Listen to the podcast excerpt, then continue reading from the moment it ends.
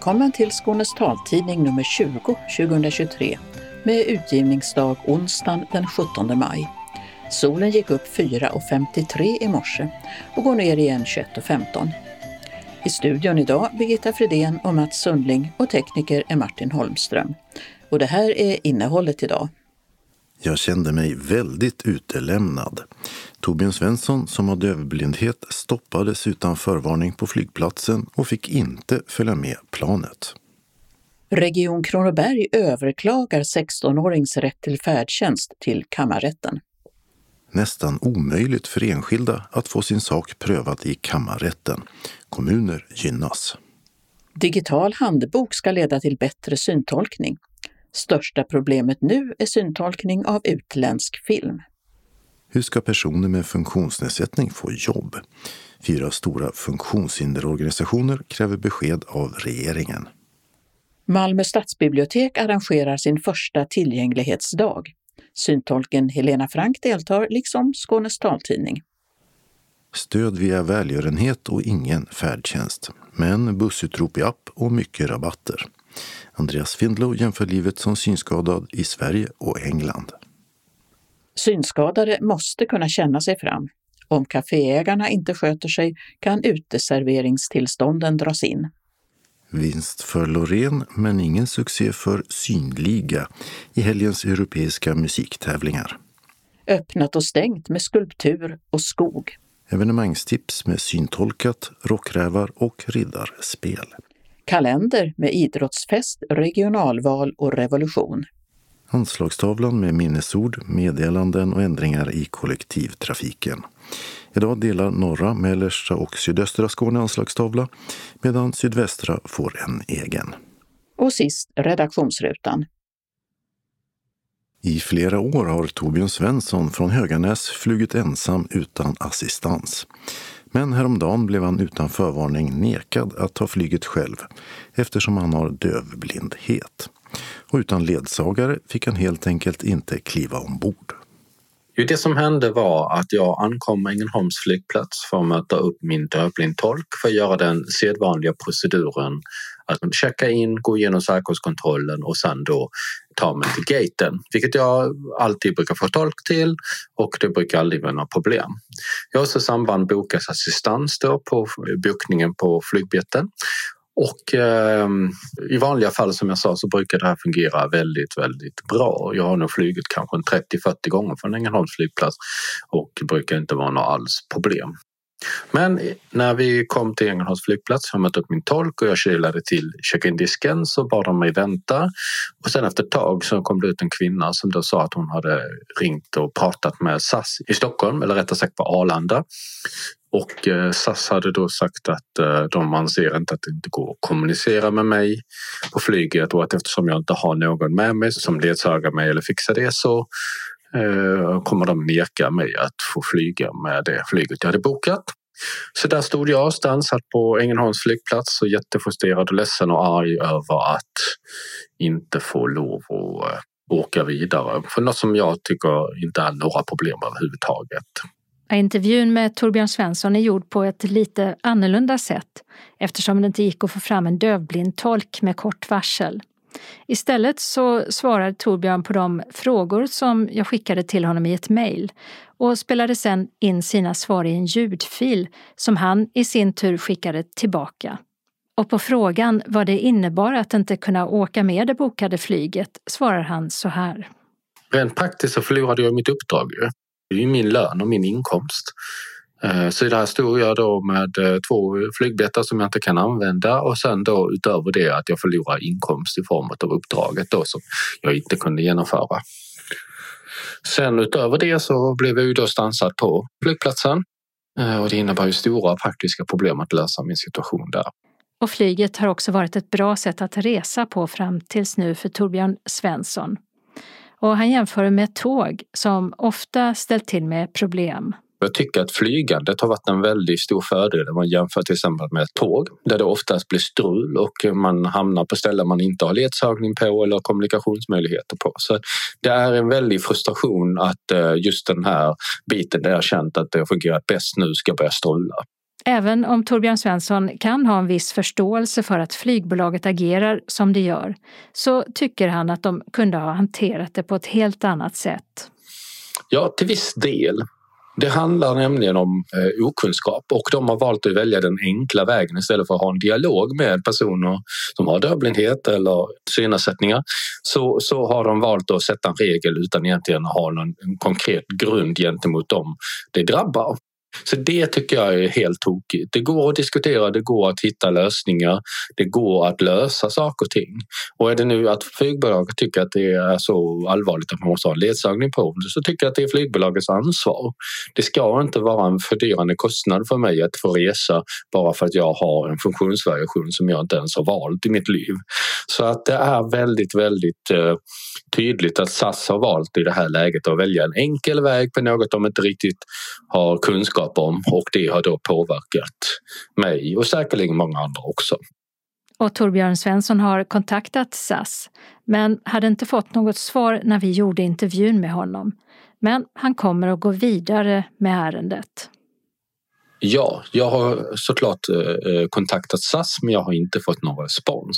Utöver det Eh, så tycker jag att eh, en anmälan till Diskrimineringsombudsmannen är på sin plats. Eh, jag anser att det finns ramar som man kan använda sig utav. Jag anser också att jag kan flyga ensam eftersom jag anser att jag har mig så bra koll på situationen och hur det fungerar i flygplan och utgångar och så vidare. Kommunikationen kan vi faktiskt lösa genom att vi använder skriva på min telefon och jag använder min punktdisplay. Så jag ser inget hinder för det. Och jag vill vara väldigt tydlig med att säga att jag skulle aldrig sätta mig i en situation där jag inte har möjlighet att eh, lösa saker och ting eller ha lite kontroll. Så det är inte så rimligt det de argumenterar och agerar i detta fallet. Så att så ser det ut. Så jag väntar svar från SAS, eventuellt en anmälan till Diskrimineringsombudsmannen och eh, sen även en dialog om hur det får gå till med den här biten. Och på frågan hur det kändes att inte få följa med sitt bokade flyg svarar Torbjörn Svensson så här. Jag blev eh, väldigt ledsen först och arg. Jag tyckte att det här var idiotiskt, eh, speciellt med tanke på att det aldrig har varit något problem tidigare och sen också över hur sättet jag blev så utsatt på. Liksom att jag eh, blev liksom stansad på flygplatsen där och kunde inte åka vidare eh, till Stockholm för att då genomföra mitt uppdrag. Så jag tyckte bara att det var skitjobbigt. Jag kände mig jätteliten och väldigt frustrerad och eh, trött på att man alltid måste fightas om allting. Speciellt när jag då inte ens hade någon aning om det här. Utan annars hade de gärna fått kontakta mig och meddela mig det här så att vi hade kunnat avboka och jag hade kunnat ta striden hemifrån istället. Men det här gjorde att jag kände mig väldigt utelämnad. Det sa Torbjörn Svensson. Och SAS svarar via mejl från den norska presschefen Tonje Sund att bolaget har en policy om att personer med dövblindhet som reser ska ha med sig en ledsagare när de flyger. Och att passageraren tidigare kunnat flyga, det beror på att det i så fall gjorts undantag för den konkreta flygningen genom hjälp av besättningen eller annan lösning. Och presschefens uppfattning är att passageraren ska ha fått information. Men om inte det stämmer så beklagar vi naturligtvis, skriver Tonje Sund. Och presschefen hänvisar också till IATA, som står för International Air Transport Associations riktlinjer, om att det kan finnas tillfällen då en assistent behövs för att hjälpa till vid en nödsituation. Reporter var Åsa Kjellman Erisi. Region Kronoberg accepterar inte förvaltningsrättens i Växjö beslut att ge en 16-årig skolelev rätt till färdtjänst för att kunna ta sig till skolan en och en halv timme från hemmet. 16-åringen, som har en grav synnedsättning, ansökte om färdtjänst för att slippa byta mellan olika trafikslag och för att inte behöva korsa den tungt trafikerade riksväg 23. Regiontrafiken sa nej med motiveringen att den som vill ha färdtjänst först måste försöka träna in resvägen och att 16-åringen inte har väsentliga svårigheter att förflytta sig. Synskadades riksförbund hjälpte 16-åringen med överklagandet till förvaltningsrätten och efter domen där, som alltså gav 16-åringen rätt, sa SRFs förbundsjurist Anna Kvarnström i en kommentar att hon hoppas att regionen nu är anständig nog att inte överklaga. Men Region Kronoberg har nu begärt prövningsrätt i kammarrätten. Eleonora Alfors i Skäret i Höganäs kommun fick avslag på sin ansökan om ledsagning enligt LSS. Kommunen tycker inte att hon har tillräckligt stora svårigheter i sin dagliga livsföring. Istället hänvisas hon till ledsagning enligt SOL, alltså socialtjänstlagen. Ledsagning som hon till skillnad från LSS måste betala för och som inte ger samma frihet som LSS-ledsagning. Eleonora Alfors överklagade och i förra veckan togs hennes fall upp i förvaltningsrätten i Malmö. I skrivande stund har domen inte kommit, men om kommunen vinner så kommer domen att överklagas till kammarrätten. Det säger både Eleonora Alfors och hennes juridiska ombud Malin Palme. För att få sitt fall prövat i kammarrätten måste man dock få prövningstillstånd och enligt Malin Palm, som drivit många liknande mål, är det ytterst svårt för privatpersoner att få prövningstillstånd. Däremot får kommuner och regioner som överklagar att en enskild fått rätt i förvaltningsrätten nästan alltid prövningstillstånd. I samband med den internationella tillgänglighetsdagen som infaller på Kristi himmelsfärdsdag den 18 maj i år ges en handbok för syntolkning ut av European Blind Union, EBU, i samarbete med bland annat svenska SRF. Guiden kommer att finnas tillgänglig digitalt och den är ganska omfattande, säger Henrik Götesson som jobbar med syntolkning och digital tillgänglighet på SRFs rikskansli i Stockholm och som är en av dem som medverkat i arbetet med guiden. Den är över 100 sidor faktiskt. Vem riktar sig den här boken till? Eh, det är inte till alla som är intresserade av syntolkning, både till eh, den som upphandlar syntolkning till eh, syntolkar förstås och framförallt synskadade då som ser syntolkning just också för att man ska kunna kanske själv bli lite mer kritisk till om, om, om eh, syntolkningen är bra eller dålig. Och meningen är att den ska ge ett äh, grepp kring syntolkning och, och äh, man kan säga sammanfatta bra riktlinjer som finns. Och vi kommer fokusera på bra och dåliga exempel på syntolkning för att på det sättet stärka eh, syntolkningens kvalitet helt enkelt. Ja, jag hoppas att den ska kunna bidra till en ökad diskussion om vad som är bra och dålig syntolkning och hur man tänker för att vara så objektiv som möjligt helt enkelt. Eh, och låta eh, mottagaren, alltså den som är synskadad, göra sina egna tolkningar. Man säger till exempel inte att ett hus är vackert för att vackert är olika för olika personer. Men man kan säga vilken färg huset har till exempel. Var kommer man att hitta den? Den kommer vara digital uh, bara tyvärr. Den finns på uh, euroblind.org, den europeiska blindunionens hemsida. Då kommer den finnas på engelska och inom kort så kommer det också finnas en svensk översättning och vi återkommer till när, när den finns publicerad. Då. Det finns en översättning men uh, vi håller på att se över den och uh, redigera små detaljer. Ja, vem är det som har skrivit den här boken då? Det är huvudsakligen mycket erfaren syntolk från Storbritannien som har gjort riktlinjer för eh, den brittiska övervakningsmyndigheten, tillsynsmyndigheten för tv som heter Ofcom. Eh, Veronica Hips heter hon. Eh, och sen är det Birgitta Blockland från Nederländerna och även jag då som har medverkat lite i framtagandet. Mm. Vad har du gjort då? Uh, mest gett uh, synpunkter på texter och, och sådär som, som då den här mycket erfarna syntolken har tagit fram. Hur tycker du att intresset för syntolkning är i Sverige? Du som har jobbat med det ett tag nu. Ja, jag tror att det ändå har eh, ökat genom åren och det finns ju mer syntolkning idag än vad det gjorde tidigare. Um, vi kommer också inom en väldigt snar framtid att eh, träffa SVT för att diskutera deras syntolkning. Och, och har man några synpunkter på syntolkning så är man välkommen att höra av sig till mig. Eh, sen så skulle vi gärna vilja se mer syntolkning av utländska filmer på svenska. Det, det är en brist som vi har idag. Det finns en hel del eh, utmaningar kring, kring eh, den app som finns för eh, att se syntolkning på bio till exempel. Och eh, om man inte använder smart teknik och så vad är din största förhoppning med den här boken då? Att lyfta kvaliteten och statusen på syntolkning.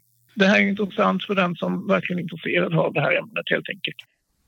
Det sa Henrik Götesson som jobbar med bland annat syntolkningsfrågor på SRFs rikskansli i Stockholm.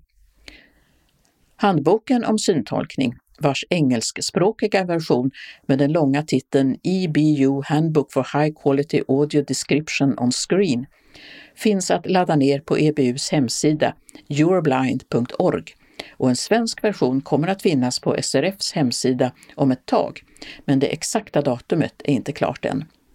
Gunilla Kracht intervjuade. Vad kommer regeringen att göra för att förbättra situationen på arbetsmarknaden för personer med funktionsnedsättning?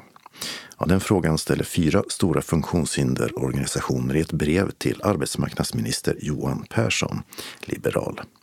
De pekar på ny statistik som visar att bara drygt hälften av de som har en funktionsnedsättning har en sysselsättning jämfört med 80 procent av den övriga befolkningen.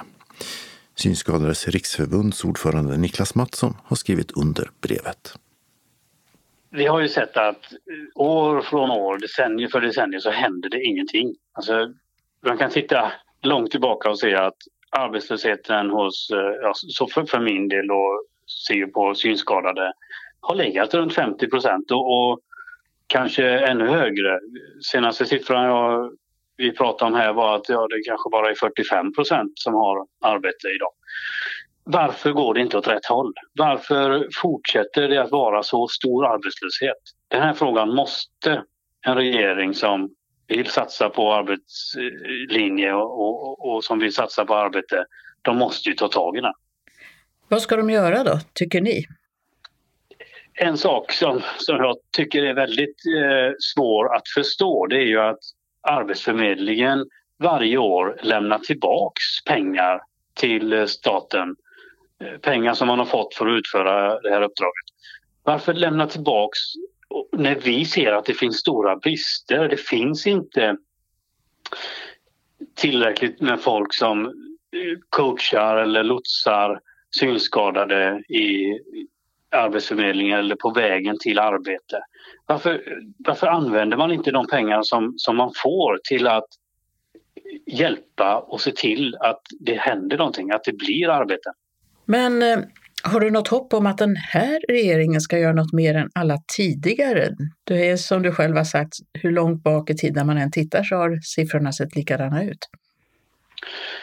Jag är ju en obotlig optimist så jag hoppas absolut att eh, var, på varje regering att det ska hända något. Och jag tycker med det fokus som, som vi har hört eh, liksom genom åren hos borgerligheten att de, att de vill satsa på arbetslinjen, då måste de ju visa framfötterna nu och, och visa att de kan även inkludera funktionshindrade i, sin, i sitt arbete så att inte vi som jag uppfattar det år från år hamnar utanför det arbete man gör. Utan de måste ju se till att inkludera alla människor som behöver jobb.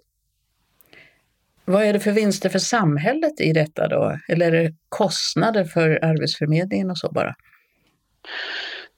Det måste ju ändå vara väldigt tydligt att varje människa som får ett arbete, varje människa som kan jobba utifrån sina förutsättningar bidrar.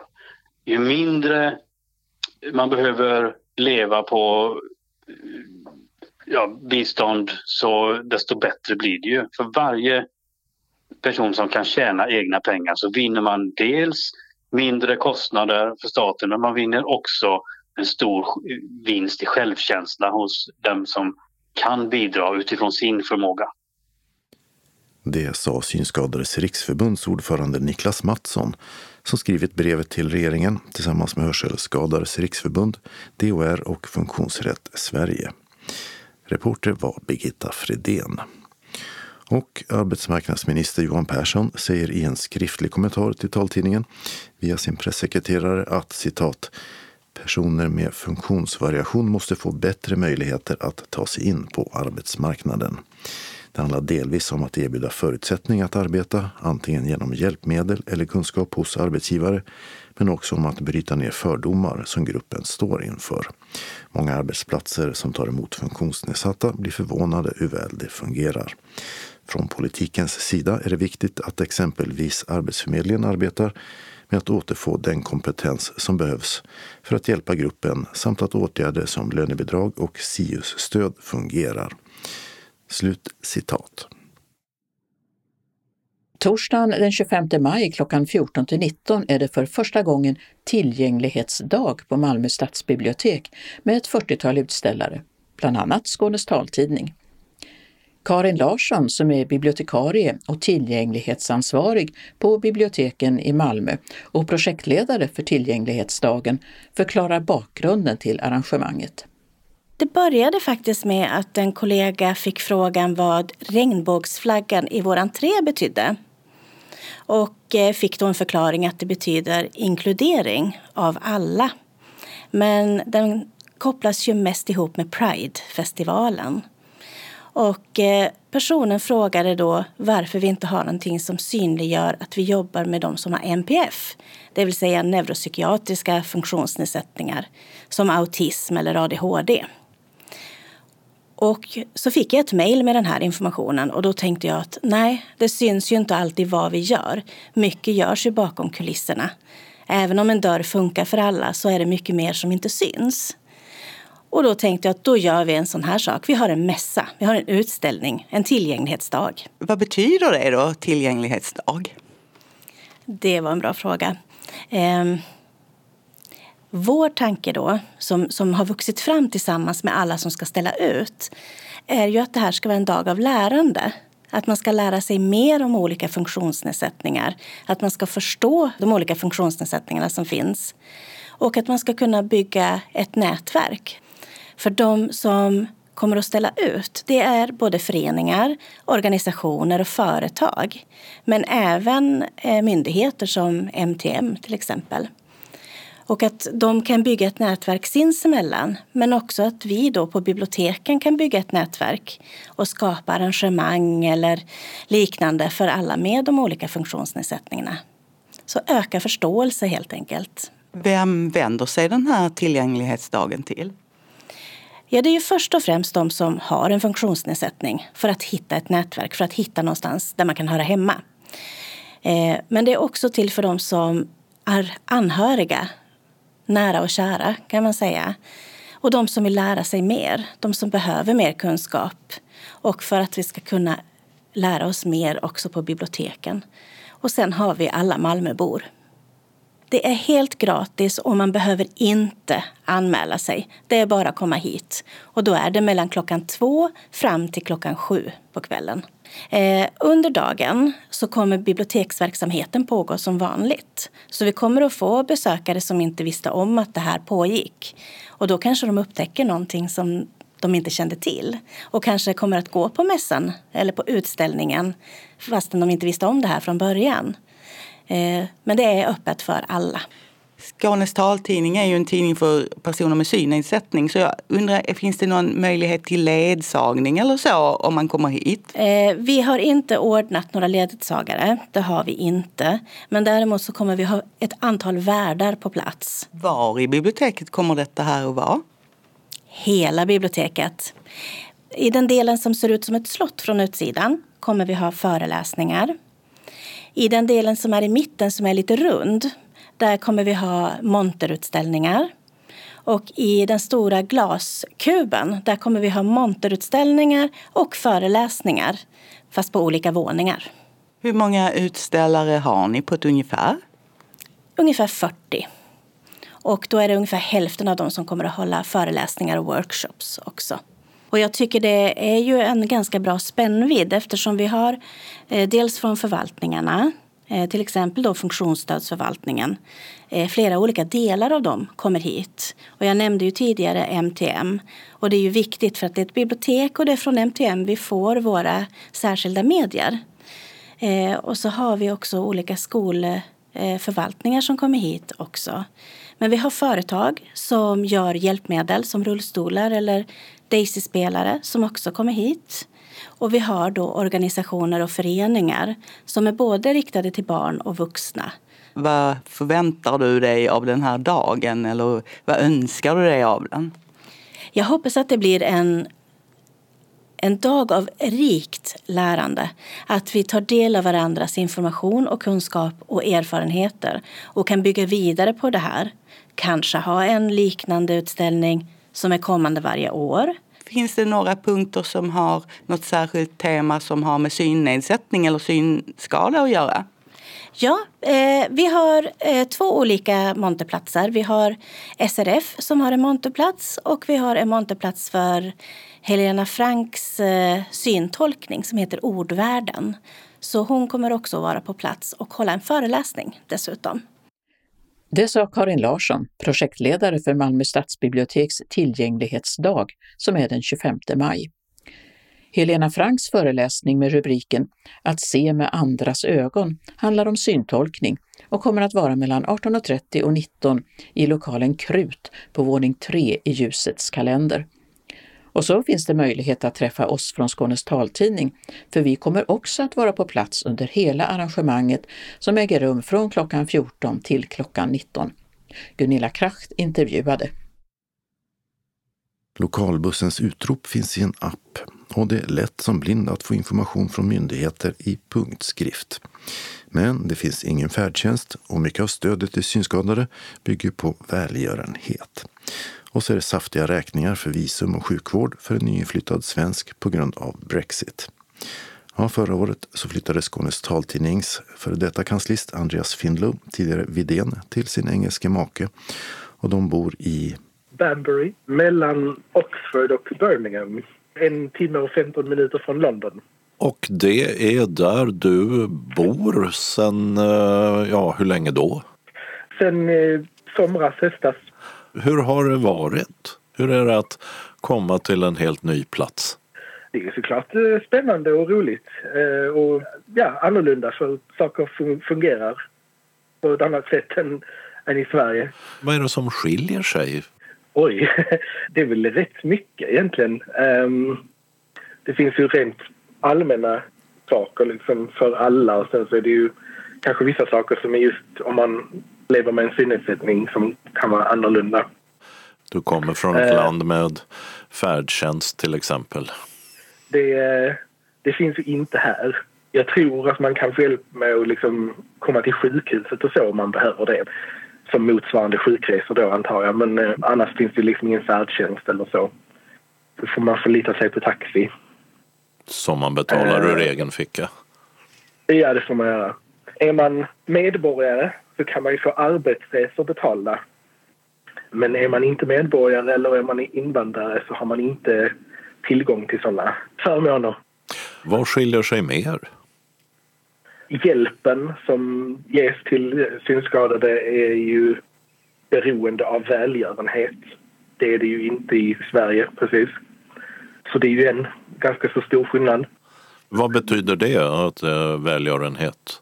Att det är äh, välgörenhetsorganisationer som jobbar mot synskadade. Alltså att de är beroende av att det doneras pengar för att hjälpen ska vara tillgänglig och för att hjälpmedel ska vara tillgängliga det finns offentlig hjälp att få men en stor del är beroende av just eh, välgörenhet.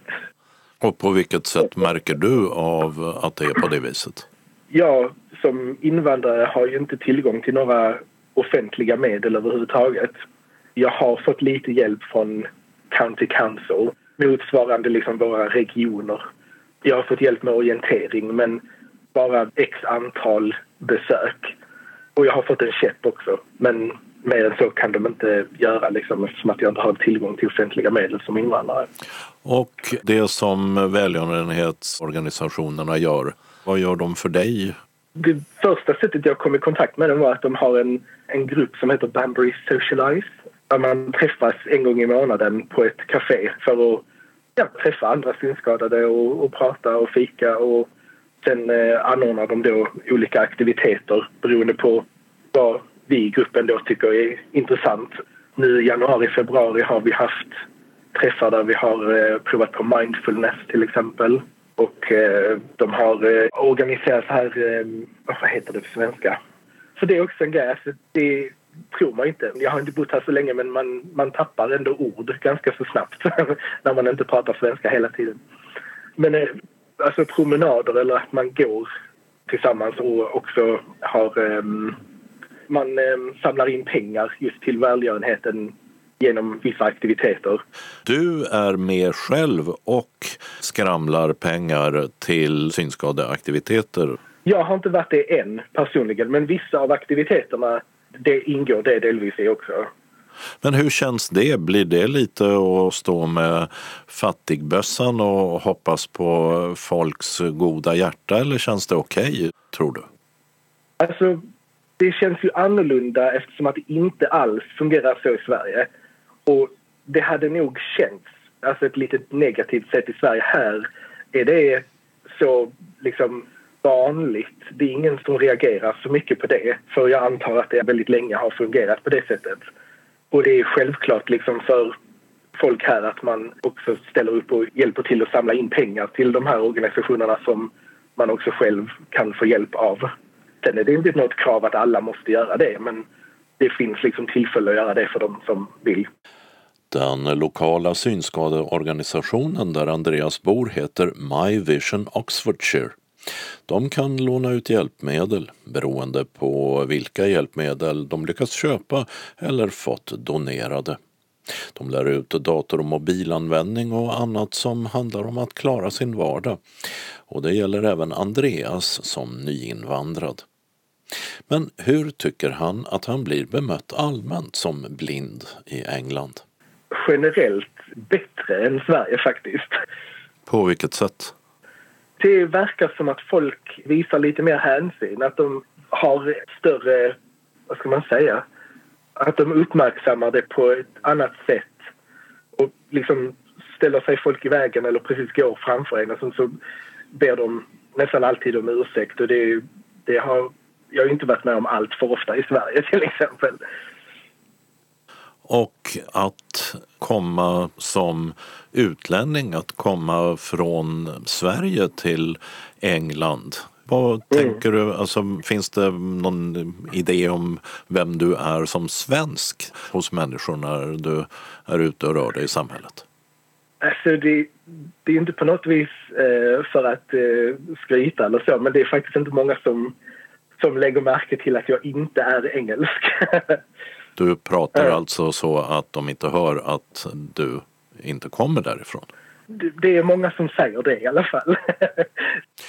När vi pratades vid inför, eller jag tror vi mejlade inför att eh, vi skulle ringa upp dig så berättade du att du hade sökt jobb och väntade på svar. Mm. Hur gick det med det? Nu har jag ju sökt så många jobb så jag vet inte om det är samma jobb. Men jag har blivit erbjuden ett jobb som jag väntar på för att börja. Det är som eh, kundtjänstmedarbetare för mobiloperatör. Det är arbete hemifrån där jag sitter med en dator och tar emot samtal och ska försöka hjälpa kunder att reda ut sina problem eh, de har med tjänsterna eller om de vill uppdatera information eller ändra någonting i tjänsterna som de köper då. Och det krävs inte full syn? Arbetsgivaren är medveten om att jag är blind och har inte uttryckt någonting negativt i det. Jag väntar egentligen bara på att få se om programmen som jag ska använda fungerar med JAWS. Men, men intervjun jag hade var väldigt positiv och kvinnan som intervjuade mig hade jobbat tillsammans med en, en blind person innan och hade liksom en positiv inställning till det. Så att, eh, jag hoppas att eh, resten av företaget har det också. Hur är det att uh, vara gift i England? Jo, det är jättebra. Jag blev lite förvånad när jag kom hit och så för att i Sverige så ska man ju registrera alla uppgifter hit och dit. Uh, jätteviktigt och allting är, är väldigt ordentligt. Men här behöver man inte tvunget registrera att man är gift utan det, det är bara att visa att man bor på samma adress och säga att man är gift så säger man det. här finns ju ingen motsvarighet till personnummer. Det är liksom mindre kontroll på det viset. Och Brexit ställde inte till med några problem för dig som EU-medborgare? Inte mer än att eh, vi fick ansöka om visum för mig då som, som är ganska så dyrt och som tog ganska lång tid att vänta på. Hade Storbritannien fortfarande varit med i EU så hade jag inte behövt betala så mycket för att flytta hit. Hur mycket får man fråga vad det kostade? Ehm, man får betala i två omgångar. Så att man betalar först för ett visum i två år och nio månader, tror jag det är. Och det kostar ungefär 5 000 pund. 50 000 kronor! Jag tappar faktiskt hakan. Mm. Då betalar man en del av avgiften är själva ansökningsavgiften för att söka visum och en del av avgiften är att man har tillgång till NHS som är National Health Service som är sjukvårdssystemet. Och då är det första gången. Sen måste man betala lika mycket igen för att förlänga sitt visum. Och hur länge håller det här på innan eh, du kan bli medborgare eller slipper avgifterna? När jag har bott här i fem år så kan jag ansöka om medborgarskap. Då kostar det också lite pengar och sen måste man göra språktest som bevisar att jag eh, förstår engelska och kan prata engelska. Så det kostar också lite pengar. Så det, det är mycket pengar om man ska, man ska flytta hit. det var aldrig en uh, möjlighet att uh, din man skulle flytta till Sverige? Nej, vi tyckte väl att det var, ändå var lättare för mig att flytta till England eftersom att jag redan pratade engelska. Han pratar inte svenska. Han har också en mamma som är äldre som han inte jättegärna vill bo allt för långt ifrån och sådär. Så att det kändes mest logiskt för mig att flytta. Visumet det ger Andreas rätt att jobba.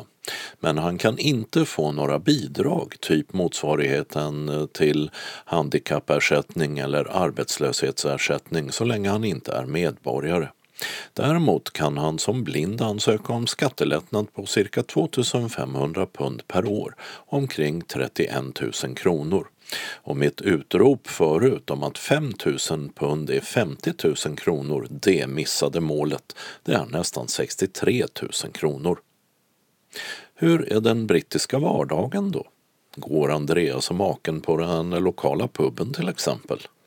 Jo, det brukar vi göra. Vi har en eh, pub eh, några hundra meter härifrån. De har quiz på söndagar som vi brukar gå på ibland. Du blev direkt en del av pubkulturen? Ja, absolut. Trots att jag inte dricker en droppe alkohol. är det någonting i samhället och det du har varit med om som känns som att nej, vad håller de på med? Varför gör de på det här sättet? Inte som jag har eh, märkt hittills i alla fall. Um, det var ju såklart annorlunda när, när det är så mycket som beror på välgörenhet jämfört med Sverige när det gäller just stöd till synskadade och så. Men um, om man ska se något positivt med det systemet så är det väl att det också finns tv-reklam för synskadeorganisationerna RNIB, Royal National Institute for Blind People. Så det, det finns ju en annan synlighet jämfört med Sverige just för synskadeorganisationer. Tv-reklam istället för valpkalendrar? Ja, det finns det också för den verksamheten är separat just med ledarhundar. Det är en separat välgörenhet. De gör också reklam. Just det, du hade ledarhund här i Sverige. Hur är möjligheten för mm. dig att få det i England? Det ska inte vara beroende av offentliga medel så vitt jag vet. Däremot måste jag bo i England ett år innan jag kan ansöka om ledarhund. Och jag tror att väntetiden på en ledarhund just nu är mellan två och tre år. Så det är ju en väldigt lång process om det nu skulle bli så. Men men just nu så känner jag mig ändå helt okej okay med att inte ha en ledarhund. Hur är det med möjlighet till ledsagning? Eh, det är där välgörenhetsorganisationerna kommer in. För att den lokala organisationen här så kan man få um, volontärer som kommer ut och träffar en och kan ta med en ut på promenad eller um, man kan få telefonkontakt om man känner för det att någon ringer varje vecka liksom och hör hur det är. Men annars eh, så får man ju anordna det med, med någon man känner. Och den här välgörenhetsstödda ledsagningen, den betalar man inte för? Inte själva ledsagningen så, men de har riktlinjer som säger att om man vill göra någonting som kostar så ska den synskadade betala då. Om jag skulle vilja ta med en ledsagare och gå ut och fika så skulle jag betala för fikan för båda då. Sen kan man ju göra upp det med ledsagaren. Det är ju inte alla som tycker att de måste bli bjudna på fika. Har du använt dig av tjänsten? Jag, jag skulle göra det, men jag blev ihop eh, parad med en, en äldre dam som bodde här i närheten och eh, jag kände väl kanske inte att vi eh, klickade så. Så därför eh, så blev det inte någonting av det. Men eh, skulle du dra dig för att eh, söka igen eller? Nej, nej. Men sen så fick jag hjälp från County Council, då, regionen, med en, en runda som jag kan gå och jag har övat på att åka buss ner i stan och så. så att, som det är just nu så känner jag att det räcker för tillfället i alla fall. Och hur är det att åka buss? Ja, det är också annorlunda för här, lokaltrafiken åtminstone, har inga utrop. Så det kan ju vara lite förvirrande. Men det finns en app som fungerar väldigt bra där man kan få utropen inom citationstecken i appen. Så kan man bara använda en mobil och den appen så funkar det väldigt bra tycker jag. Och är det aktuellt med någon form av ledsagning från trafikbolagets sida som jag har hört att man kan få på Londons tunnelbana till exempel? Finns det någonting sånt? Mm. Ja, det finns. Och om man ska åka tåg och så också. Jag har inte använt det själv, men jag har hört andra som säger att det fungerar väldigt bra. Så där har jag hört väldigt positiva saker om. Um, allmänt, lite kuriosa, så finns det andra saker. Man, man kan ansöka om ett tågkort för att få billigare tågresor också om man är synskadad. Man kan få skattelättnader och man kan få rabatter när, när det är att gå på teater och bio och sådär. Det finns vissa saker som jag inte har lagt märke till i Sverige. Det låter som om du inte precis är missnöjd. Ja, nej, men jag trivs bra. Absolut. Men vad saknar du från Sverige? Svenska äpplen. Jaha. Är engelska äpplen inte goda? Jo, jo men, men svenska äpplen liksom när det är säsong har ju en, en speciell smak. Det sa Andreas Findlow som också berättade att han tycker att det är lätt att få information i punktskrift från engelska myndigheter och banker och att han ofta erbjuds det när han säger att han är blind. Liksom att olika slags ansökningar kan göras via telefonsupport utan ifyllande av blanketter. Och han upplever också att mataffärers appar är mycket tillgängligare än i Sverige och gör det lätt att som blind beställa matvaror. Och att även sjukvårdssystemet NOS app är väl anpassad för den som inte ser. Reporter var Dodo Parikas. Under ett år tar Malmö stad i snitt emot en handfull anmälningar om dagen från allmänheten. Det är anmälningar av skilda slag, men en stor del av dem handlar om besvär och bristande tillgänglighet kring uteserveringar. Det är polisen som beviljar tillstånd, men det är gatukontoret som har koll på att restaurangägare och kaféer sköter sig.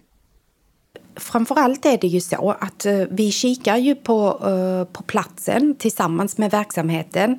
Eh, första gången ansökan har inkommit och det är en ny yta. Och vid vi gör ju löpande tillsyn också såklart. Eh, men vi är väldigt beroende av eh, Malmöborna också att få in synpunkter. Eh, och ofta så har vi ju då en dialog med verksamheterna jag heter Maria Andonovski och jobbar som sektionschef på markupplåtelsesektionen, avdelningen för offentlig miljö, fastighets och gatukontoret Malmö stad. Kan ni dra tillbaka ett tillstånd om den här ägaren inte uppfyller de krav som ni ställer? Eh, det är ju så att de här upplåtelserna är ju tillfälliga av tillfällig karaktär och belamringen ska också vara tillfällig. Och det är polisen som är tillståndsgivande myndighet. Eh, men vi som markägare vi har ju, vi har ju möjlighet att sätta villkor eh, och också om vi har uppmanat om rättelse och rättelsen inte har gjorts så har vi möjlighet att skicka, skicka en kontrollavgift och den, den brukar bita. Eh, men har det gått så långt så att, så att eh, det är omfattande misskötsamhet så kan vi begära från Polismyndigheten att de återkallar tillståndet. Så hur ser reglerna för uteserveringarna ut? Generellt så är det ju så att, att en uteservering ska pla placeras eh, i direkt anslutning till verksamhetslokalen. Eh, om ytan är lämplig såklart. Eh, eh, generellt ska det ju finnas två meter fri gångyta. Eh, och man ska ju tydligt kunna se vilken yta som är eh, uteserveringen, så vilken som är gångytan. Men den ska också vara kännbar eh, för personer med nedsatt synförmåga så man kan känna sig fram. Och framförallt är det ju viktigt att kortsidorna eh, blir kännbara. Så att om jag kommer och går på eh, trottoaren och har min vita käpp till exempel så ska jag kunna känna att där är en avgränsning? Precis. En grej som jag tänkt på, det är väldigt trevligt med de här gågatorna och Sommargatan där som har blivit permanentad gågata nu är jättemysig. Men den är ju inte helt tillgänglig för den som har synsvårigheter. Dels att cyklarna kommer väldigt fort och också att det faktiskt kör in bilar med transporter och sådär.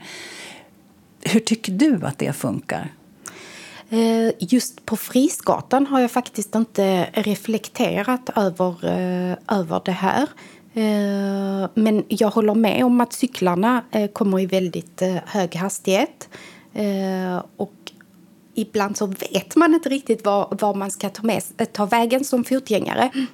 Har du själv provat någon gång att, att blunda och gå på en trottoar och känna hur det känns att inte, att inte se? Nej, det har jag inte. Men jag tänker på det dagligen för jag pendlar med tåg. Och när jag ser någon som, som kommer eh, med, eh, och känner sig fram så tänker jag på hur läskigt eh, det måste vara. Men eh, jag ska testa det faktiskt. Maria Andonovski, sektionschef fastighet och gatukontoret i Malmö. Reporter Agneta Nordin.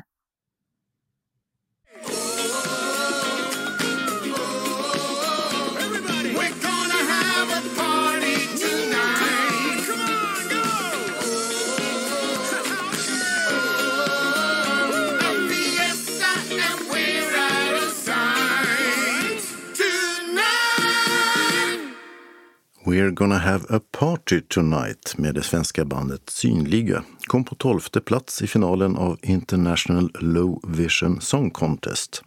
Alltså en meloditävling speciellt för musiker med synnedsättning som hölls i fredags. Tävlingen sändes online via Youtube och arrangerades för andra gången av den tyska synskadeorganisationen DBSV i Berlin.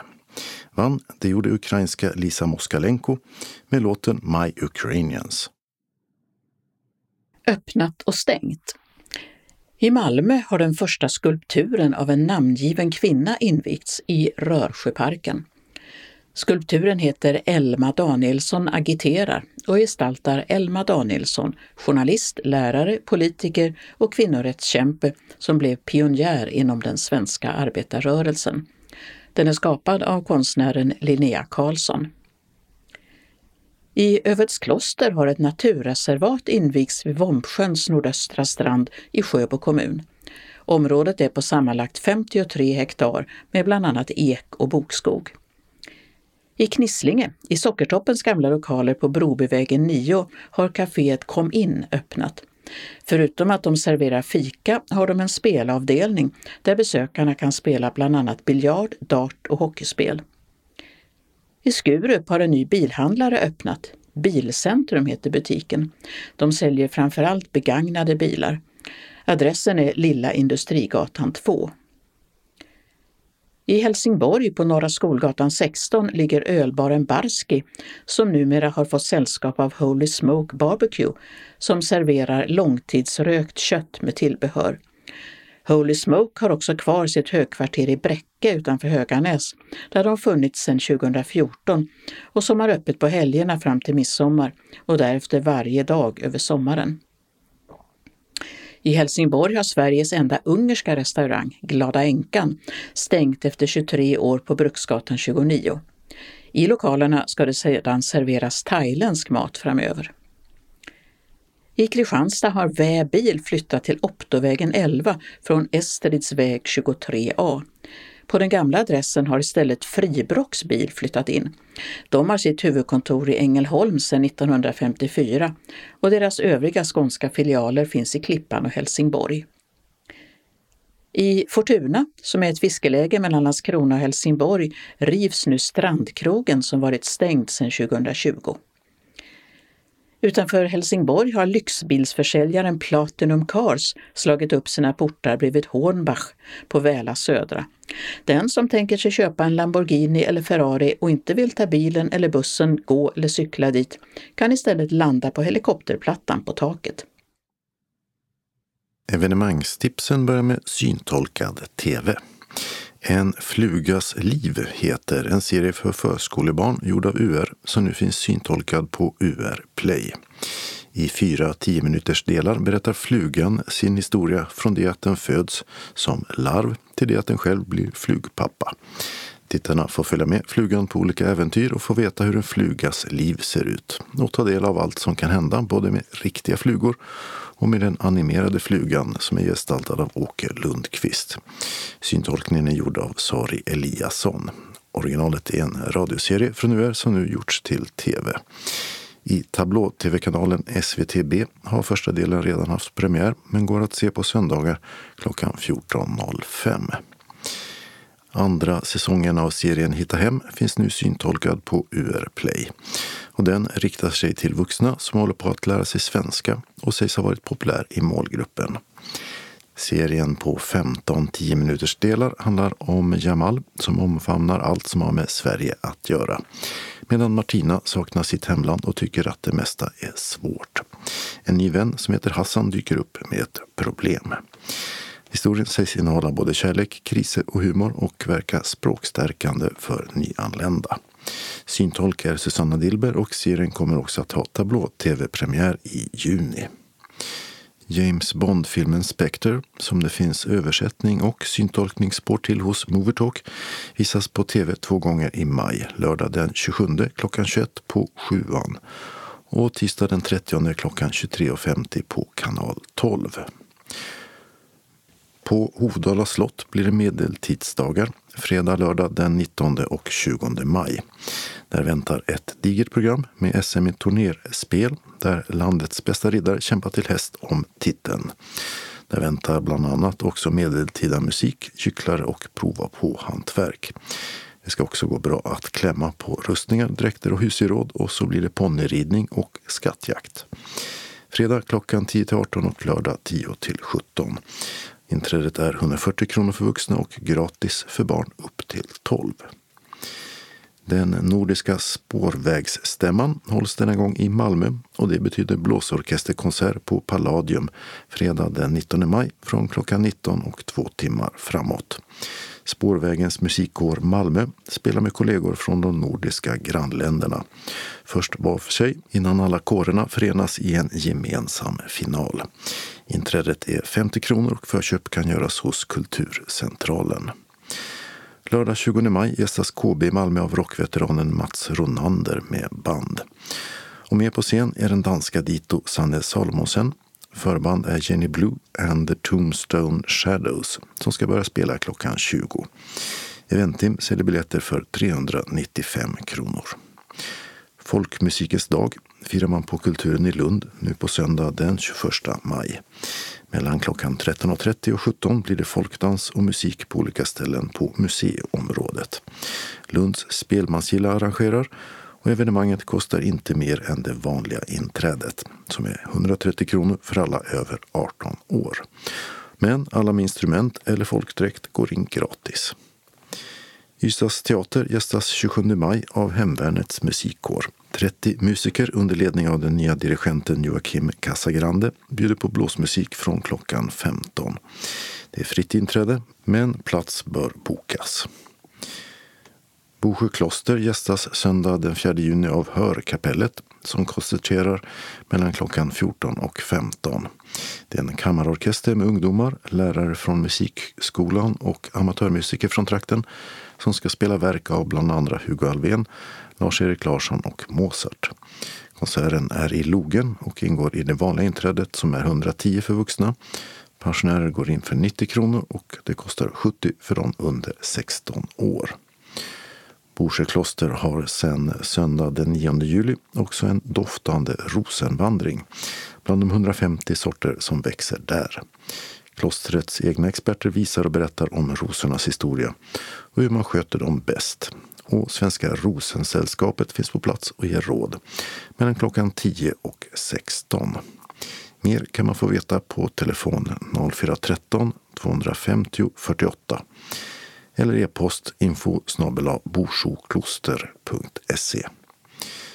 En rockveteran till gästar Malmö Arena på nationaldagen tisdag 6 juni. Då spelar amerikanske John Fogerty, känd bland annat från tiden med Creedence Clearwater Revival och för en lång solokarriär. Konserten börjar klockan 19.30 och är en av två i Sverige i sommar. Ticketmaster säljer biljetter för mellan 755 och 860 kronor. På Väster i Lund finns Folkparken och där blir det medeltidsdagar lördag och söndag den 10 och 11 juni. Då väntar riddarspel och frejserhästar, sagoberättare, utställare och hantverkare. Och aktiviteter för stora och små. Lördagen är öppet mellan 11.17 och 17 och söndagen 11 till 16. Adressen är Trollebergsvägen 58. Längre fram i höst kommer Lars Winnerbäck till Skåne på sin turné med ett nytt album i bagaget. Malmö Arena gästas fredag den 3 november och Kristianstad Arena den 4 november. Ticketmaster säljer biljetter till bägge för mellan 685 och 860 kronor. Och om man redan suktar efter jul så släpper Live Nation idag biljetterna till Peter Jöbacks stora arenaturné. En vinterkväll med Peter Jöback.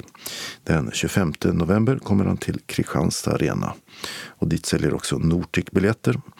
Fredag den 15 december kommer han till Malmö Arena dit Ticknet säljer biljetter för mellan 765 och 1090 kronor och den 16 december till Helsingborgs arena. Och dit säljer också arenan själv biljetter för 810 kronor. Samtliga kvällar mellan klockan 19.30 till 21. Biljettinformation. Ticketmaster och Ticknet 077 170 70 70. Nortic 0455 61 97 00. Eventim nås på telefon 0771 65 10 00. Ystads teater 0411 577 199. Malmö Arena 0755 78 00 00.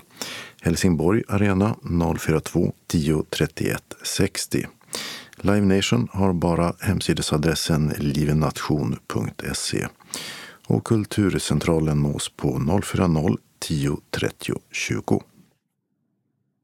Kalendern för vecka 21 börjar på måndag den 22 maj då Henning och Hemming har namnsdag.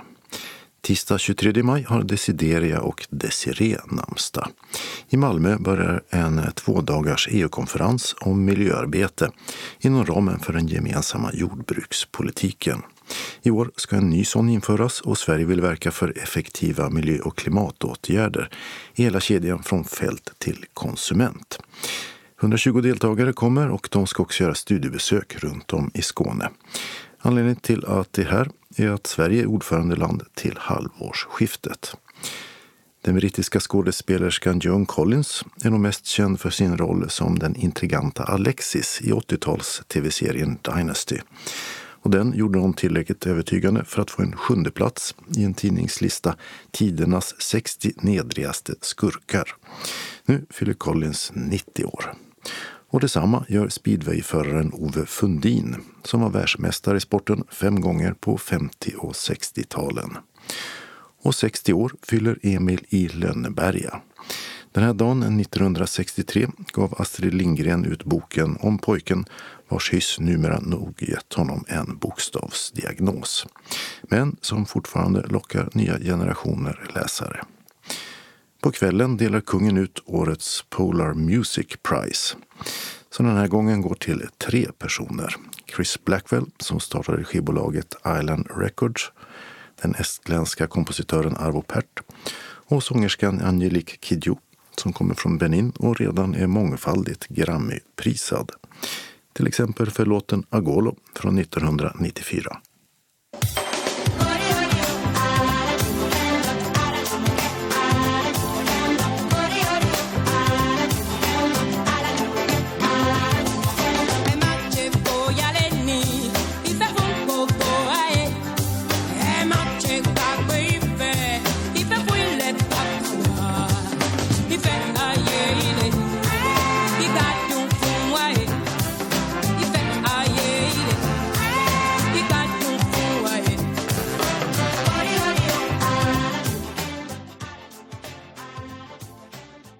Onsdag 24 maj beslutar riksdagen om socialutskottets förslag till nya riktlinjer för hälso och sjukvården. Däribland en nationell handlings och samordningsplan för sällsynta sjukdomar. För 55 år sedan, den här dagen 1968, höll Frankrikes president ett tv-tal där han ställde ultimatum. Stöd mig eller så avgår jag. Och så utlyste han en nyval. Då hade landet sedan flera veckor skakats av våldsamma demonstrationer och en generalstrejk fått allt att stanna. Regeringen beordrade också fram stridsvagnar av rädsla för revolution. Men i valet några veckor senare vann de Gaulle och revolutionen kom av sig. Den Ängelholmsfödda countrysångerskan och låtskrivaren Jill Johnson slog igenom med låten Kärleken är som vann Melodifestivalen för 25 år sedan. Sedan dess har han gjort ett stort antal plattor, turnerat flitigt och programlett sina egna tv-program. Samt varit månadens ansikte här i taltidningen. Nu fyller Jill Johnson 50 år. Och så firar vi Ivan och Vanja. Torsdag 25 maj är det namnsdag för alla som heter Urban. För precis 60 år sedan grundades den Afrikanska enhetsunionen OAU. Ledare för 32 länder skrev på avtalet som skulle ge ofta nyligen avkolonialiserade afrikanska länder en röst och stötta politiska rörelser i till exempel Sydafrika och Rhodesia som styrdes av vita minoriteter. Numera heter organisationen AU efter förebild från EU. Och några dagar efter unionsbildandet höll Kenya sitt första val och Jomo Kenyatta blev landets första premiärminister redan ett halvår innan landet blev självständigt från Storbritannien. Fredag 26 maj är namnsdag för Wilhelmina och Vilma. Lördag 27 maj är det pingstafton. För inte så länge sedan var det den stora dagen för bröllop. Men sen annandag pingst inte längre fick vara en helgdag när augusti har gått om som den stora giftasmånaden. I sydafrikanska Durban spelas VM-finalerna i bordtennisens dubbelmatcher och på söndagen spelas singelfinalerna. Och så är det Bedas och Bländas namnsdag. Söndag 28 maj är det pingstdagen och det är den sista söndagen i maj och därför mors dag. I både Italien och i Spanien håller man lokal och regionalval.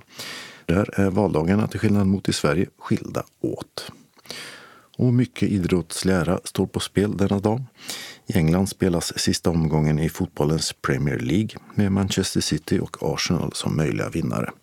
På Solvalla körs årets Elitloppet i trav. I Monaco körs det klassiska Formel 1-loppet på stans gator och i Paris börjar årets franska öppna mästerskap i tennis. Och så rullar årets upplaga av cykelklassikern Giro d'Italia i mål i Rom efter 21 etapper, varav den sista i den eviga staden.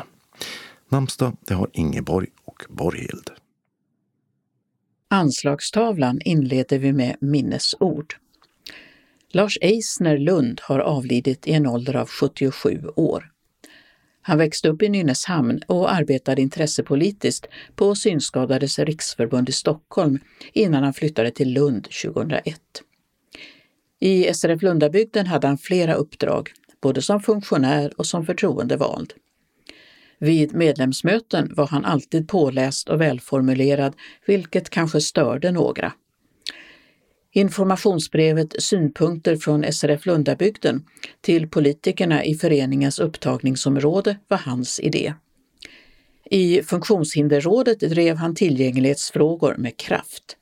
En av hans viktigare intressepolitiska insatser var när han 2022 lyckades övertala Lunds kommun att bevilja synskadade 12 timmars kostnadsfri ledsagning i månaden. Hans engagemang i SRF grundade sig i ett stort samhällsintresse samt en drivkraft att motverka orättvisor och okunskap kring personer med synnedsättning. Detta ledde också till flera internationella projekt med början 1988 och drygt 20 år framåt, där Lars arbetade tillsammans med SRFs systerorganisationer i Etiopien, Bosnien, Zambia, Kenya och Sydafrika. Lars var intellektuell, allmänintresserad och uppskattade litteratur, teater och inte minst musik, till exempel visfestivaler. Han hade stor social kompetens och var mycket uppmärksam mot personer i sin närhet. Det gav honom många vänner. Åtskilliga nysynskadade och anhöriga vittnar om det empatiska sätt Lars bemötte dem på med tröst och goda råd.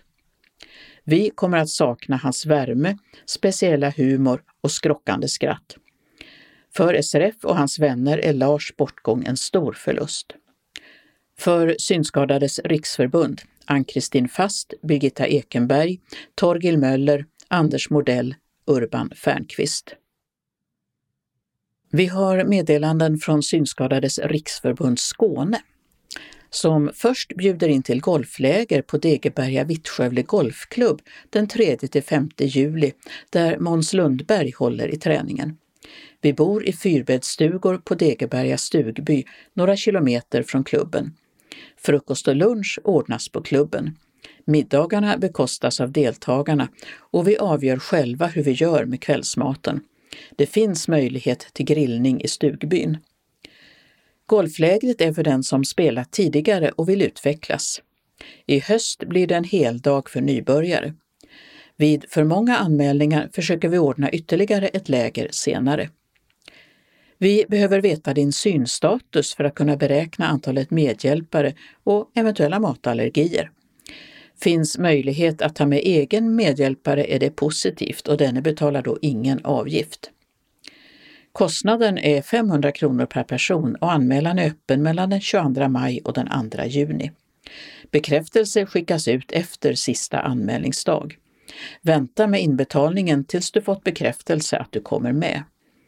Vid frågor ring Jonny Ekström på 07 09 09 3945. Synskadades riksförbund Skåne bjuder också in till en försommarkväll med irländsk folkmusik på Tommarps kungsgård i Kvidinge lördagen den 3 juni med start klockan 18 och beräknad sluttid klockan 23. Klockan 18.30 serveras sallad med antingen kyckling eller halloumi. Den som vill beställer irländsk öl till. Klockan 20 till 22 spelar The Bowery Band traditionell irländsk folkmusik. Anmälan senast den 26 maj. Berätta då om du behöver ledsagare. Information om var vi träffas kommer tillsammans med bekräftelsen.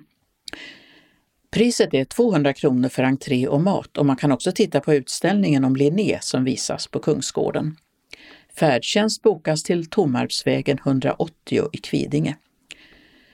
För båda aktiviteterna gäller att anmälningsavgiften betalas till bankgiro 484 09 89 eller med swish till nummer 123 312 6299. Glöm inte att skriva ditt namn och golfläger eller irländsk afton. Vill du ha inbetalningsavi, säg till när du anmäler dig. Och anmälan görs till SRF Skåne på telefon 040 777 75 eller e-post skane srf.nu. SRF Skåne står för era reskostnader efter att kvitton inkommit, dock senast tre månader efter genomförd aktivitet och endast inom Skåne. Bor du utanför Skåne betalar SRF Skåne endast för kostnaden från länsgränsen. Vid annat färdsätt än färdtjänst eller kollektivtrafik måste godkännande från aktivitetsansvarig finnas. Detsamma gäller för den kostnadsfria guidningen på Sofiero den 4 juni. Sista anmälningsdag är den 26 maj. Anmäl då om du behöver ledsagare eller ta med en egen. Samling vid Stora grinden, adress Sofierovägen 131 i Helsingborg klockan 10. Guidningen i parken äger rum mellan 10.30 och 11.30 och därefter kan man fritt utforska parken då med egen ledsagare och hemresa sker vid valfri tidpunkt. Vi har en ändring i den regionala busstrafiken. På grund av ett VA-arbete stängs en del av norra västkustvägen omkring Bjärred centrum för genomfart den 22 maj klockan 5 till den 26 maj klockan 16 och bussarna 132, 134 och 137 får tillfälliga körvägar. Hållplats Bjärred lägger C stängs och resenärerna hänvisas till en tillfällig hållplats på Fjäljevägen, cirka 300 meter i nordöstlig riktning. Hållplats Bjärred lägger D stängs och resenärerna hänvisas till tillfällig hållplats på Fjäljevägen, cirka 450 meter i nordöstlig riktning. Hållplats Medborgarhuset, läge A och B och hållplats Hans Jonas väg, läge A och B stängs. Resenärer med linje 134 och 137 hänvisas till tillfälliga hållplatser på Fjelievägen cirka 1,1 kilometer norrut. Hållplats Flädie skola, läge A och B stängs. Resenärer med linje 137 hänvisas till tillfälliga hållplatser på Fjelievägen cirka 1,3 kilometer i nordvästlig riktning. Den lokala anslagstavlan för sydvästra Skåne börjar med SRF Malmö Svedalas aktiviteter i lokalen på Wendelsfridsgatan 13 i Malmö. Måndagen den 22 maj klockan 13 till 15 träffas vi och umgås med fika och diskuterar aktuella nyheter och läser lite ur tidskrifter, kanske lite frågesport. Tisdagen den 23 maj klockan 13 till 15.15 .15 blir det bingo och lite fika. Anmälan senast klockan 10 samma dag till de här aktiviteterna. Onsdagen den 24 maj och onsdagen den 14 juni klockan 13 till 15.15 .15 är det hobbyträff. Man tar med sin hobby eller kommer bara för att umgås över en macka eller kaka och kaffe. Anmälan senast dagen innan. Fikat är alltid till självkostnadspris 10 kronor. Onsdagen den 31 maj klockan 13 till 15.30 håller Polar Print en hjälpmedelsvisning i lokalen. Förstorings och punkthjälpmedel, orienteringshjälpmedel och Daisy-spelare visas och Polar Print bjuder på fika. Glöm därför inte att meddela eventuella allergier vid anmälan som ska göras senast måndagen den 29 maj. Fredagen den 2 juni klockan 13 till 15.30 är det sopplunch på föreningen med ängamat, klassisk rädd grönsakssoppa samt kaffe och kaka. Innan maten informerar Emily om Malmö kvinnojour. Medlemmar i SRF Malmö Svedala betalar 50 kronor, övriga 70 kronor. Anmälan senast tisdagen den 30 maj. Och anmälan till allt detta görs på telefon 040 25 05 40 eller e-post info srfmalmo.se. SRF Malmö Svedala bjuder också in till mat och vinprovning på Flädje mat och vingård fredagen den 16 juni klockan 11 till 16. SRF har bokat en guidad visning av vingården och sen väntar gårdens viner på att provsmakas av oss. Efter detta serveras vi en god lunch med kaffe som avslutning. Anmäl dig till kansliet på telefon 040 25 05 40 eller mejla info srfmalmo.se senast torsdagen den 1 juni. Berätta vid anmälan om du har allergier eller behöver specialkost. I skrivande stund vet inte restaurangen om det serveras kött eller fisk till varmrätt, men det tillkommer en liten soppa, sallad, hembakat bröd och smör, kolsyrat vatten eller lättöl och avslutas med kaffe eller te och hembakad småkaka. Säg också till om du behöver inbetalningskort och om du behöver ledsagning. Berätta också om du inte har färdtjänst så ordnar vi med samåkning. Du betalar resan själv. Sen tillkommer en kostnad av 250 kronor för vinprovning och mat. Du betalar in på föreningens bankgiro 192-9645 eller med swish till 123 077 8050 senast måndagen den 12 juni. Glöm inte att skriva vinprovning och namnet på deltagaren vid betalningen. Observera ingen kontantbetalning. Du bokar din resa till Flädje mejeriväg 19 i Bjärred för att vara framme klockan 11. Hemresan beställer du till klockan 16. Någon av oss stannar kvar till alla har fått sina färdtjänstbilar. Du kan ringa Maj-Britt Ryman på telefon 070 324 6609 om du får något problem under dagen. Hjärtligt välkomna hälsar styrelsen. Nu är det dags för badsäsong. Även i år samlas vi vid Öresunds Funkis, före detta handikappbadet, på torsdagar klockan 13 till 16.30 för trevlig samvaro. Vi startar den 1 juni och sista träffen är den 10 augusti. Personalen kommer även i år att ta upp beställningar vid vårt bord och du betalar själv för ditt fika med kort, kontanter eller swish. Ingen anmälan behövs. Om du har några frågor kan du som vanligt ringa till Maj-Britt på telefon 070 324 6609. Det går även bra att ringa till Helena på telefon 040 655 9042 eller till Mikael på telefon 0761 910466. Boka bilen till parkeringsplatsen vid badet. Adressen är Ribersborgsstigen 6. Vi möter upp om du behöver det och som vanligt stannar någon av oss kvar tills alla fått sina färdtjänstbilar för hemresan. Vi hälsar även medlemmar från andra föreningar välkomna. Reseersättning utgår som vanligt från SRF Skåne för resor utanför Malmö Svedala och de vill ha kvittot på resan inom tre månader efter att aktiviteten är genomförd. Alla medlemmar i SRF Skåne hälsas välkomna. SRF Malmö Svedala styrelsen. Vi har några tillfälliga ändringar i busstrafiken i Malmö. På måndag den 22 maj klockan 4 inleds ett underhållsarbete på Västra Ryttmästaregatan och Ingelstadsgatan i Malmö som påverkar stadsbusslinjerna 3 och 4. Hållplats Malmö Fridhemstorget läge E mot Bunkeflostrand för linje 4 och motdurs mot Centralen för linje 3 stängs och resenärerna hänvisas till en tillfällig hållplats cirka 75 meter framåt i bussens färdriktning på Major Nilssonsgatan. Hållplatsen kommer att vara avstängd till den 23 maj klockan 15 men arbetet pågår till den 7 juni och kan komma att påverka trafiken. På tisdag den 23 maj klockan 6 stängs Eriksfältsgatan vid korsningen med Nydalavägen på grund av att en kabel ska grävas ner. Avstängningen påverkar stadsbuss 8. Hållplats Lindängen läge B dras in. Resenärer hänvisas till hållplatsläge C som är ordinarie hållplatsläge för avstigande i riktning mot Lindängen.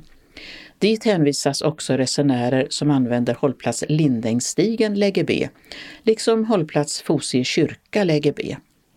Hållplats Hermodsdal läge B stängs. Resenärer hänvisas till hållplatserna Lindängen läge C på Munkhättegatan, cirka 1300 meter i sydvästlig riktning och Eriksfält läge C på Eriksfältsgatan, cirka 1500 meter i nordvästlig riktning. Till Eriksfält hänvisas också resenärer från hållplats Professorsgatan läge B och hållplats Nydala läge B samt hållplats Nydalatorget läge B. Arbetet pågår till den 24 maj klockan 15. Anslagstavlan för norra, mellersta och sydöstra Skåne inleder vi med ett par meddelanden från SRF Kristianstad Bromölla som först bjuder in medlemmarna till en vårpromenad måndagen den 5 juni. Vi träffas vid Strandängens badplats i Bromölla nedanför Bromölla camping och går tillsammans i maklig takt en liten runda på cirka 1,7 kilometer. Rundan är enkel att gå med både skogsstigar och asfalterade sträckor. När vi har kommit i mål bjuder föreningen på grillad korv. Man bokar eventuell färdtjänst till Strandängens badplats, Strandängsvägen 35 i Bromölla, där det finns en parkering. Vi träffas där klockan 13 och beräknar hemfärden till 16.00 från samma plats. Anmälan till Birgitta Bo, telefon 0733 766 002 eller via e-post birgitta.bo med två o snabel icloud.com. Anmälan vill vi ha senast den 31 maj och uppge då om du tror att du äter mer än en korv. Hjärtligt välkomna! Synskadades förening Kristianstad-Bromölla ordnar också en resa till Almåsa den 8 till 15 juli på temat Skapande och kultur.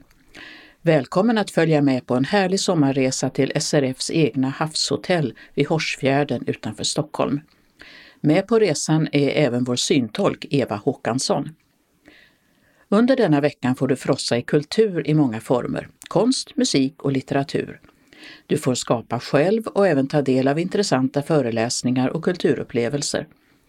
Det finns även möjlighet att koppla av och njuta av den härliga miljön på och runt havshotellet. Även en dagstur till Djurgården är planerad. Avresa lördagen den 8 juli från Bromölla Kulturpunkten klockan 7.30.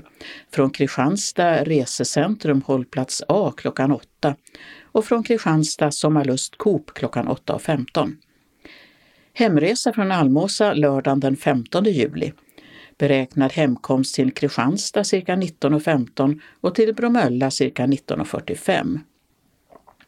Anmäl senast den 1 juni till Anita Svensson på telefon 044 533 09. Om Anita inte kan svara, var vänlig och anmäl till telefonsvararen så ringer hon upp. Det går också bra att anmäla på anitasvensson109 gmail.com.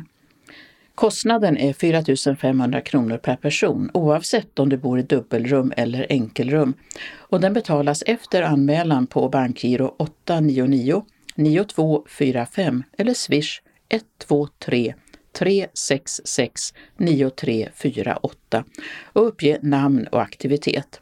Ange påstigningsplats, eventuellt behov av ledsagare eller matallergi. Och det är bindande anmälan.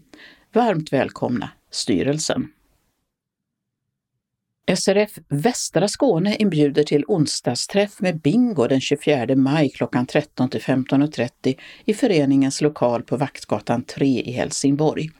Fikaavgiften är 30 kronor och bingobrickorna kostar 10 kronor stycket. Om du står på den fasta listan behöver du bara meddela om du inte kan komma.